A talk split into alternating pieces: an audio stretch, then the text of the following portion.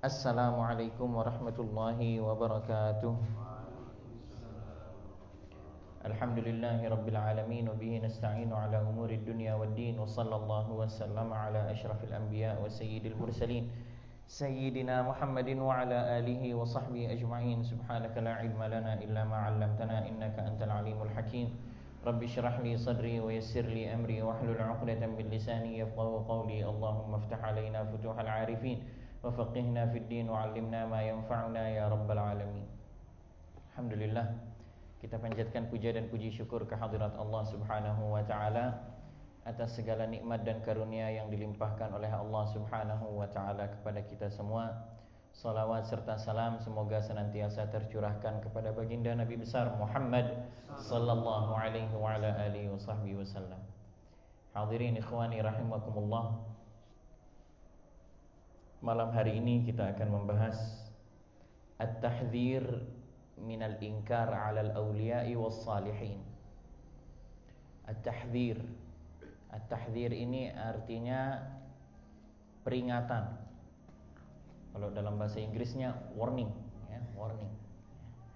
Warning, peringatan kepada orang-orang agar mereka jangan ingkar kepada orang-orang soleh dan para aulia. Ini peringatan. Kemarin kan kita jelaskan bagaimana kedudukan aulia, bagaimana kewajiban kita untuk cinta kepada ulama, kepada aulia dan orang-orang yang saleh. Kalau sekarang babnya kita akan membahas tentang peringatan. Ya agar kita jangan sampai ingkar kepada aulia. Ya aulia. Tahu aulia? Wali-wali Allah. Kekasih-kekasih Allah.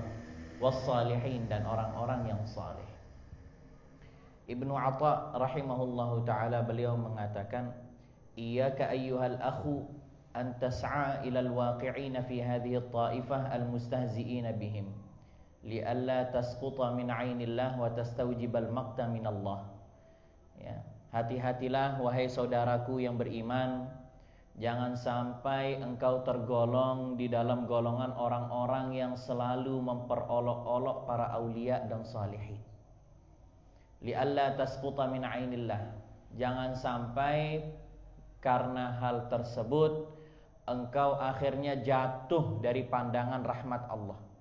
Terhindar dari pandangan kasih sayang Allah minallah dan engkau sendiri mengundang kemurkaan Allah untuk dirimu. Jangan sampai engkau undang kemurkaan Allah kepada dirimu melalui perbuatanmu yang ingkar kepada para aulia dan orang-orang yang saleh. Ya. Fa inna haula'il qaum jalasu ma'allahi ala haqiqati sidqi wal ikhlasi wal wafa'i wa muraqabatil anfasi ma'allahi subhanahu wa ta'ala. Karena para aulia dan salihin mereka ini adalah orang-orang yang sudah menembus daripada hakikat ikhlas, hakikat daripada amalan, hakikat daripada kejujuran, hakikat daripada pengawasan diri mereka akan Allah Subhanahu wa taala. Artinya hubungan mereka dengan Allah itu sudah sudah sampai ya, wali-wali ini, orang-orang saleh ini, ya hubungan mereka dengan Allah itu sudah sudah sampai dia. Sudah ikhlasnya sudah mentok, keyakinannya sudah mentok, amalan mereka apalagi sudah sampai langsung kepada Allah Subhanahu wa taala. Qad sallamu qiyadahum ilaih wa alqau anfusahum baina yadayhi. Mereka orang-orang yang benar-benar sudah tawakal. Semua urusan mereka ini sudah mereka lepas semuanya kepada Allah. Jangan sampai engkau memperolok orang-orang yang sudah dekat dengan dengan Allah Subhanahu wa taala. Qad sallamu anfusahum semua tentang diri mereka, jiwa mereka, roh mereka, harta mereka, mereka semuanya sudah serahkan kepada Allah. Kalau kita ini kan berserah kepada Allah, tetapi pada hakikatnya berserahnya kita ini masih setengah-setengah. Ya, masih setengah-setengah. Kita ini percaya rezeki datang dari Allah, ya, umur ini semua diberikan oleh Allah, kesempatan ini datang dari Allah. Semuanya kita percaya ini semuanya dari Allah Subhanahu wa taala. Namun pada hakikatnya kita masih belum seperti itu Kita masih belum benar-benar percaya kepada Allah Subhanahu wa taala, belum benar-benar bertawakal kepada Allah Subhanahu subhanahu wa taala. Wa qad ibtuliya hadhihi at-ta'ifa bil khalq khususan ahlul ilmi adh-dhahir. فقل أن تجد منهم من ينشرح صدره للتصديق بولي معين ya dan membenci wali ya atau uh, kurang percaya kepada para aulia ini memang salah satu ujian yang diturunkan oleh Allah Subhanahu wa taala untuk para makhluknya. Ini memang ujian bagi kita untuk mungkin ada perasaan kurang percaya kepada wali, ada perasaan yang kurang enak kepada orang-orang yang soleh, orang-orang yang dekat dengan Allah. Ini memang ujian. Terutama yang paling besar diberikan ujian ini adalah orang yang pintar, orang yang ahli ilmu zahir, ya, orang yang ahli ilmu. Ini ujiannya semakin besar. Semakin alim dia, maka semakin besar ujiannya untuk tidak percaya kepada aulia dan orang-orang yang yang saleh. Qala sayyidina qala sayyidina Syekh al-Imam Abdullah Abdullah al-Haddad radhiyallahu anhu wa nafa'allahu bih man ankara 'ala al-'arifin ubtuliya biqaswatil qalb. Barang siapa Imam Abdullah bin Ali al-Haddad mengatakan barang siapa ingkar kepada arifin. Tahu arifin? Arifin itu orang-orang yang kenal dengan Allah artinya orang yang dekat dengan Allah Subhanahu wa taala, maka dia sebenarnya sedang diuji oleh Allah dengan kekerasan hati. Semakin dia ingkar, semakin keras hatinya. Makanya orang kalau dia keras hati, maka dia akan susah melihat kebesaran Allah yang diletakkan pada makhluknya. Ini kan aulia, ini wali-wali ini kan kebesaran Allah yang diletakkan pada makhluknya. Ada karomahnya, ada kelebihannya, ada keutamaannya. Maka orang kalau dia keras hati, dia akan susah menerima ada kebesaran Allah pada orang pada orang lain. Dia akan susah untuk menerima. Itu tanda daripada kerasnya kerasnya hati. Wa qala Syekh Abu Turab An-Nakhshi rahimahullah, "Idza alifal qalbu al-i'rad 'anillah, sahibathu al-waqi'atu fi ahlillah." Ketika seseorang itu hatinya terbiasa untuk bermaksiat kepada Allah, maka dia juga akan terbiasa untuk memandang rendah orang yang dekat dengan Allah Subhanahu wa taala. Begitu juga sebaliknya, kalau terbiasa memandang rendah kepada orang yang dekat dengan Allah, berarti memang orang tersebut dia pada hakikatnya sering bermaksiat kepada Allah Subhanahu Subhanahu wa taala. Ini bahaya ini. Dia ada hubungan, dia ada koneksi gitu ya istilahnya antara orang yang rajin maksiat dengan orang-orang yang ingkar dengan orang-orang yang saleh. Jangan sampai kita ini diberi diuji oleh Allah Subhanahu wa taala naudzubillah. Jangan sampai di dalam kita di dalam hati kita ini ada perasaan ya ingkar, i'tirad kepada orang-orang aulia dan salihin yang dekat dengan Allah Subhanahu Subhanahu wa taala. Dalam hadis qudsi, ini hadis qudsi Allah Subhanahu wa taala berfirman, "Man 'adali waliyan faqad azantuhu bil harbi." Barang siapa yang memusuhi kekasihku, waliku, kekasih-kekasihku, faqad adzantuhu bil harbi. Maka sungguhnya aku kata Allah umumkan perang dengannya. Ada yang berani perang lawan Allah? Ada? Enggak ada. Nauzubillah. Jangan sampai kita ya, jangan sampai kita atau kaum muslimin yang ada di sekitar kita ini Lihat ini, tuh bil harbi. Dia ditantang perang sama Allah, bukan dia menantang Allah perang. Dia ditantang perang oleh Allah Subhanahu Subhanahu wa taala. Oh, ini luar biasa ini. Ya bahayanya orang yang ingkar kepada para aulia dan dan salihin. Ya. Wallahu subhanahu yuharibu thalatha thalathata anwa' min ahli al-ma'asi, qati' at-tariq wa akil riba wal mudhi li awliya'i. Ya, sungguhnya Allah Subhanahu wa taala mengumumkan perang kepada tiga golongan. Ya, Allah mengumumkan perang kepada tiga tiga golongan. Tadi itu golongan yang memusuhi para aulia faqad adzantuhu bil harbi. Kemudian golongan yang kedua qati'ut tariq. Qati'ut tariq itu apa? Qati'ut tariq. Perampok, perampok, maling, pencuri. Itu juga diumumkan perang oleh Allah Subhanahu wa taala. Innama jazaa'ul ladzina yuharibuna Allah wa rasulahu wa yas'auna fil ardi fasadan ay yuqattalu aw yusallabu ya.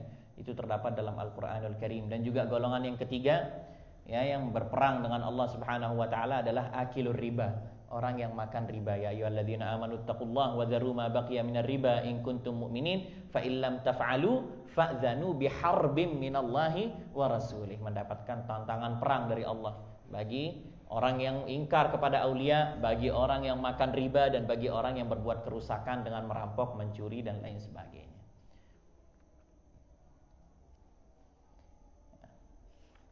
Ikhwani rahimakumullah Kalau melihat sebagian orang soleh Berdoa buruk kepada orang yang menghina dia Ya, kadang-kadang kita kita ada dengar cerita kan, ada orang soleh, dia doa buruk kepada orang yang menghina dia. Maka jangan antum anggap bahwa wali itu atau orang soleh itu dia mau balas dendam. Dia bukan balas dendam itu. Kita kan berpikir, yo dia kan wali kekasih Allah kan seharusnya dia doakan rahmat, seharusnya dia doakan kebaikan. Logikanya seperti itu kan orang soleh. Ya. Antum jangan berpikir bahwa itu yang dia lakukan untuk balas dendam, bukan. Yang dia lakukan ini karena kecemburuannya orang soleh itu terhadap kebesaran Allah yang dititipkan pada dirinya lalu dihina oleh orang. Jadi dia membalas doa buruk kepada orang itu bukan karena dia merasa dirinya yang dihina, tetapi dia melihat bahwa orang itu sedang menghina kebesaran Allah yang sedang ada pada dirinya, makanya dia balas dengan doa doa buruk. Kecemburuan, ghirah. Dia membalas doa buruk kepada orang yang menghinanya itu bukan karena dia yang sakit hati, tetapi karena dia cemburu melihat ada orang sedang menghina kebesaran kebesaran Allah. Makanya sampai juga ada riwayat uh, Sa'ad bin Abi Waqqas, sahabat baginda Rasulullah sallallahu alaihi wasallam, ketika dia dihina maka dia langsung berdoa buruk kepada orang yang yang menghinanya. Apakah karena Sa'ad bin Abi Waqqas dendam atau karena dia ada perasaan sakit hati? Bukan. Sa'ad bin Abi Waqqas membalas doanya orang tersebut dengan doa buruk karena dia merasa orang itu tidak layak menghina dirinya karena dia ini adalah sahabat baginda Rasulullah sallallahu alaihi wasallam. Jadi dia mau menjaga hak sahabat, bukan menjaga hak dirinya. Tetapi karena yang kamu hina ini sahabat Nabi, bahaya. Makanya dia cepat langsung dibalas dengan doa dengan doa buruk dan memang langsung terkabul doanya itu. Sa'ad bin Abi Waqqas radhiyallahu taala anhu. Makanya setiap kita melihat ada orang baik berdoa buruk, ya, maka dia itu bukan untuk balas dendam, tetapi dia memang ingin menampakkan bahwasanya yang kamu hina ini sesuatu yang salah. Ya, dia ingin menampakkan betapa besar kedudukan yang sedang dihina oleh oleh orang tersebut. Ikhwani rahimakumullah. Innal wuqu'a binahwi ghibatin aw namimatin fi ahli ilmi min kabairidz dzunub. Sesungguhnya ya, ghibah atau mengadu domba ya berkata yang buruk kepada ahli ilmu itu min kabairidz dzunub termasuk dosa yang besar. Ya, pada orang yang alim kita gibah, ngadu domba dia atau kita berkata buruk tentang dia min kabairidz dzunub. Fa fa'iluhu fasiqun mardudus syahadah. Dan orang yang melakukan itu dia dicap fasik di dalam syariat. Dia dicap fasik mardudus syahadah dan kesaksiannya tidak diterima. Ya, mardudus syahadah kesaksian tidak diterima. Artinya nanti kalau sidang isbat kalau dia lihat bulan tidak diterima saksinya. Cari orang lain yang pergi itu segala kesaksian yang dibutuhkan dalam agama dia tidak bisa. Tidak bisa dijadikan saksi nikah. Tidak bisa dia dijadikan saksi apa lagi segala hal yang membutuhkan syarat-syarat saksi dia tidak bisa di, dijadikan saksi wa ala walil amri al mubalaghah fit tankil bih li alla yakuna dzari'atan ila ihtiqaril ulama dan walil amr ya pemimpin kalau dia tahu ada orang yang sedang menghina ulama menghina orang saleh menghina wali hendaknya dia menghukumnya itu aturannya. Sebenarnya wali amr itu dia menghukum, memberikan hukuman kepada orang-orang yang menghina kepada aulia dan salihin dan para ulama-ulama yang dekat dengan Allah Subhanahu Subhanahu wa taala. Abu Abbas Al-Mursi rahimahullah beliau mengatakan, "Tatabba'na ahwalal qaum fama ra'ayna ahadan ankara alaihim wa mata bi khairin abada." Kita ini sudah ikut dan melihat bagaimana kehidupan orang-orang yang saleh kata beliau Abu Abbas. Kita lihat bagaimana kehidupan orang saleh, bagaimana keseharian orang saleh, bagaimana keadaan orang-orang saleh. Maka yang aku saksikan kata beliau Abu Abbas Al-Mursi ulama besar, "Fama ra'aina ahadan." Aku tidak pernah melihat seseorang yang ingkar kepada orang-orang yang saleh lalu dia meninggal dengan tenang. Enggak, pasti matinya repot. Pasti matinya bikin bikin susah. Ya, orang yang ingkar pada orang yang saleh itu matinya pasti ya pasti bisu ya naudzubillah suul khatimah. Salah satu daripada penyebab seseorang itu suul khatimah mati dalam keadaan buruk adalah benci dengan aulia salihin dan para ulama ridwanullah taala anhum ajmain.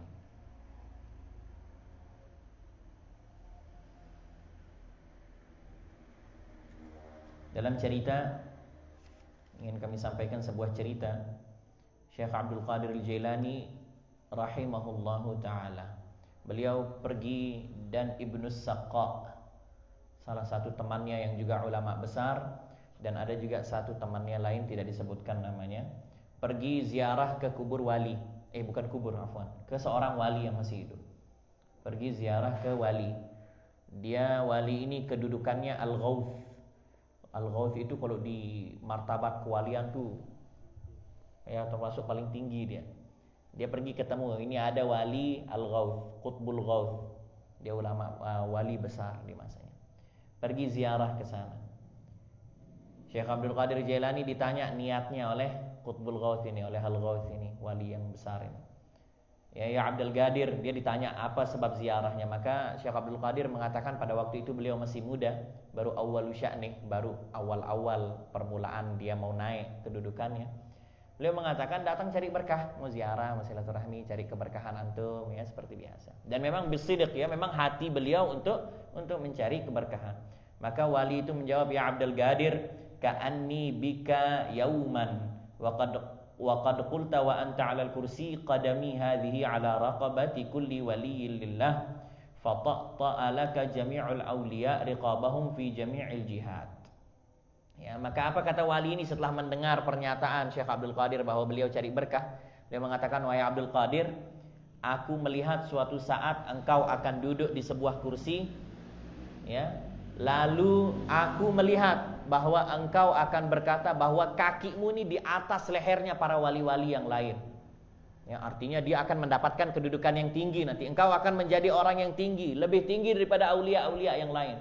Dan para wali-wali yang lain pun akan tunduk di bawah kamu, wahai Abdul Qadir. Saya lihat.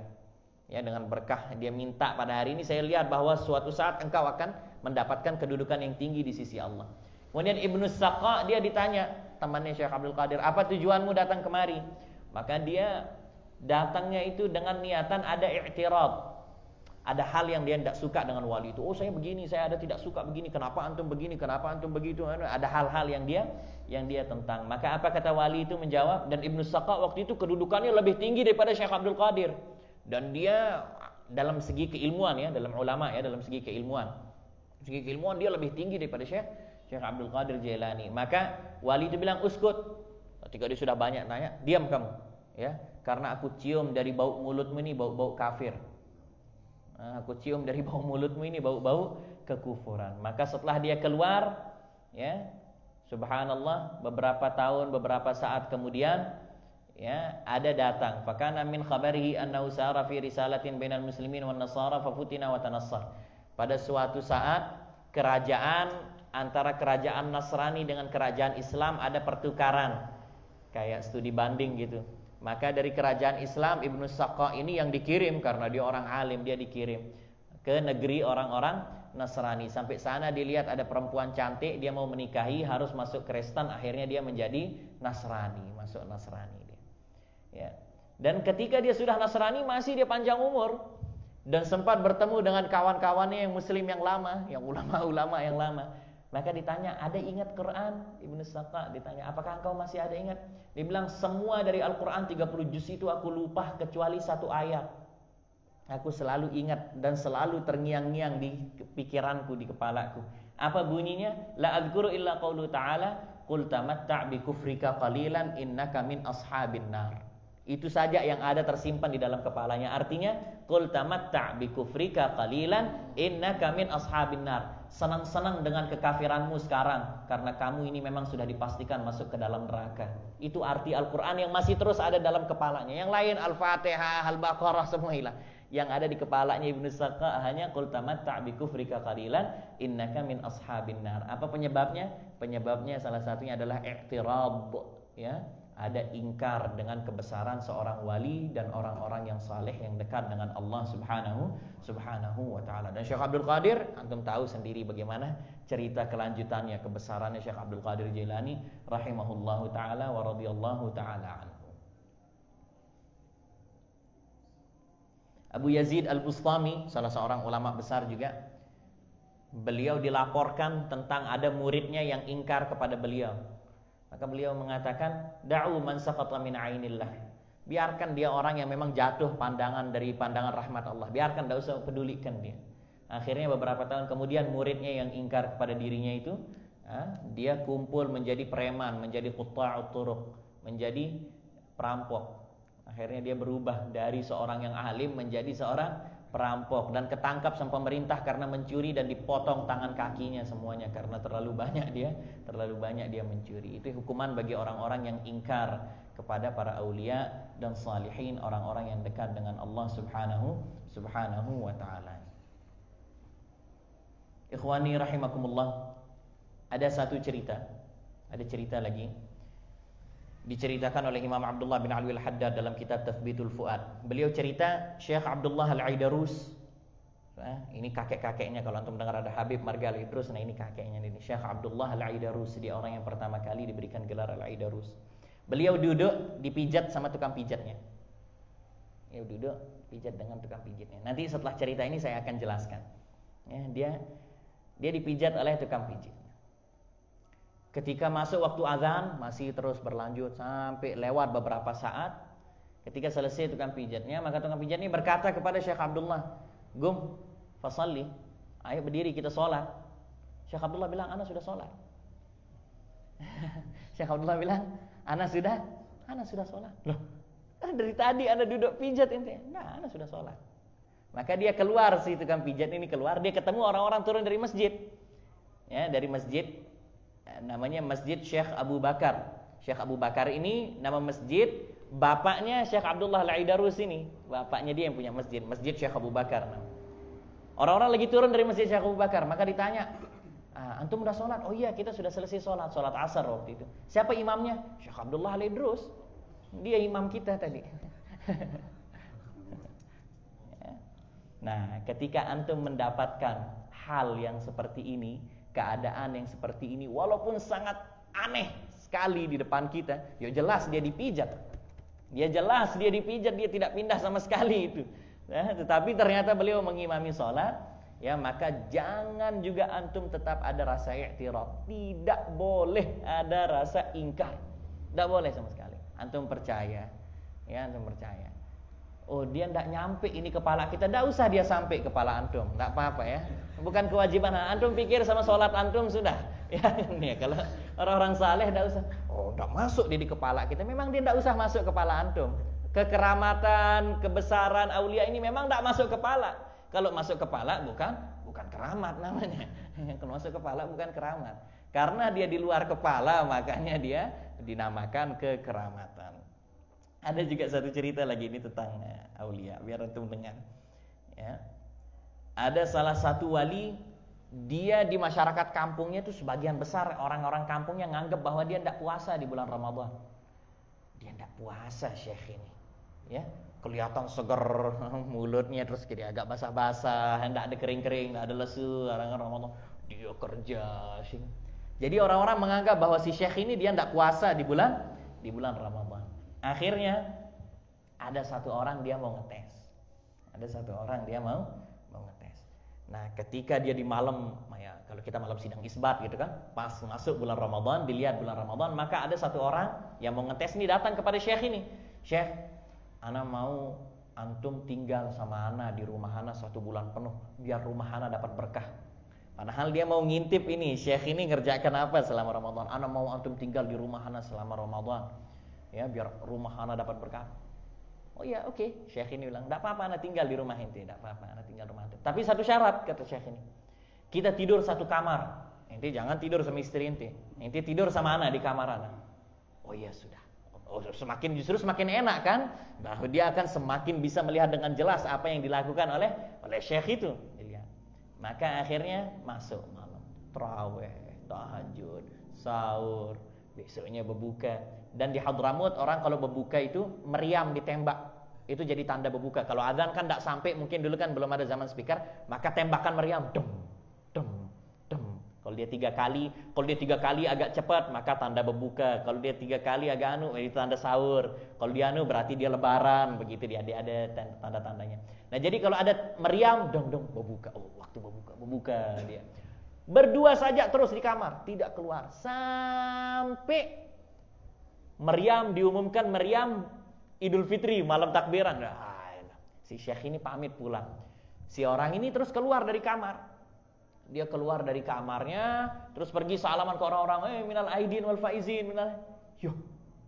Minal Kau gila kau, minal aidin, minal aidin. Apa kau minal aidin? Dia bilang, ya, kita sudah sempurna 30 Ramadan. Dia sudah 30 kali berbuka sama syekh itu.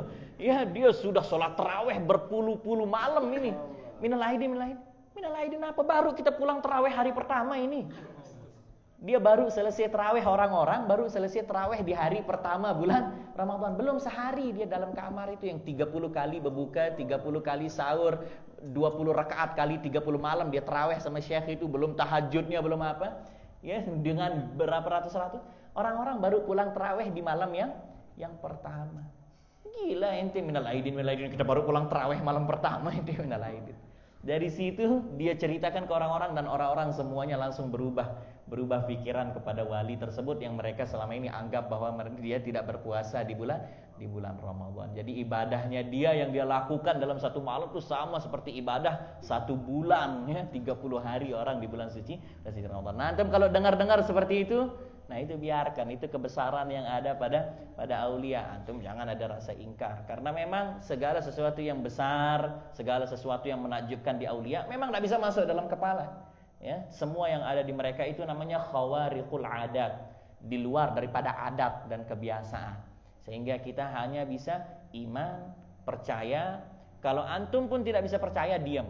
Jangan sampai ada rasa ingkar kepada kebesaran dan keagungan para aulia dan orang-orang yang salihin yang dekat dengan Allah Subhanahu Subhanahu wa taala. Ikhwani rahimakumullah. Ya. Itulah ya bagaimana pelajaran bagi kita agar senantiasa percaya ya dan antum untuk mendapatkan kepercayaan harus terus dekat Antum kalau mau percaya sama ulama, ya dekati ulama. Antum kalau antum ini tidak tahu di kepala anak tiba-tiba muncul ya. Antum kalau mau percaya Rossi itu pembalap, pembalap, ya antum harus lihat dia terus ikuti dia. Baru antum bisa percaya bahwa Rossi itu seorang pembalap. Kalau antum tidak tahu Rossi tiba-tiba saya datang, eh Valentino Rossi hebat kalau dia balapan. Tidak bisa dia tidak terbayang gitu.